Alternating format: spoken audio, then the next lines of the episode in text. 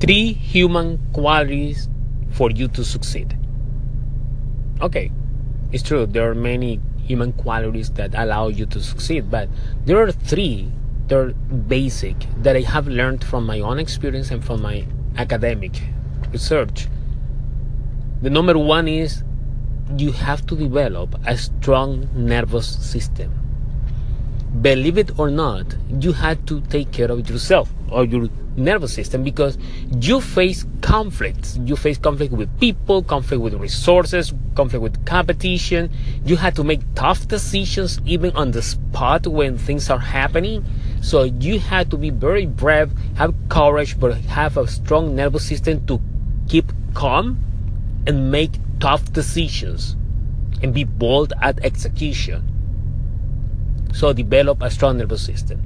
The second quality is that you have to be well prepared.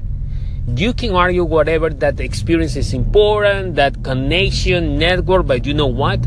Opportunities, there are many opportunities out there. But the only way you can take advantage of them if you are well prepared to take advantage of them to get the most out of every opportunity you find. So be well prepared. So immediately when you find an opportunity, you are prepared to take advantage of them and succeed. And the third quality is you have to work a lot.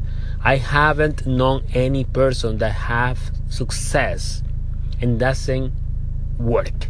You have to put the effort, you have to put the work, you have to work a lot working 40 or 48 hours a week doesn't make you successful.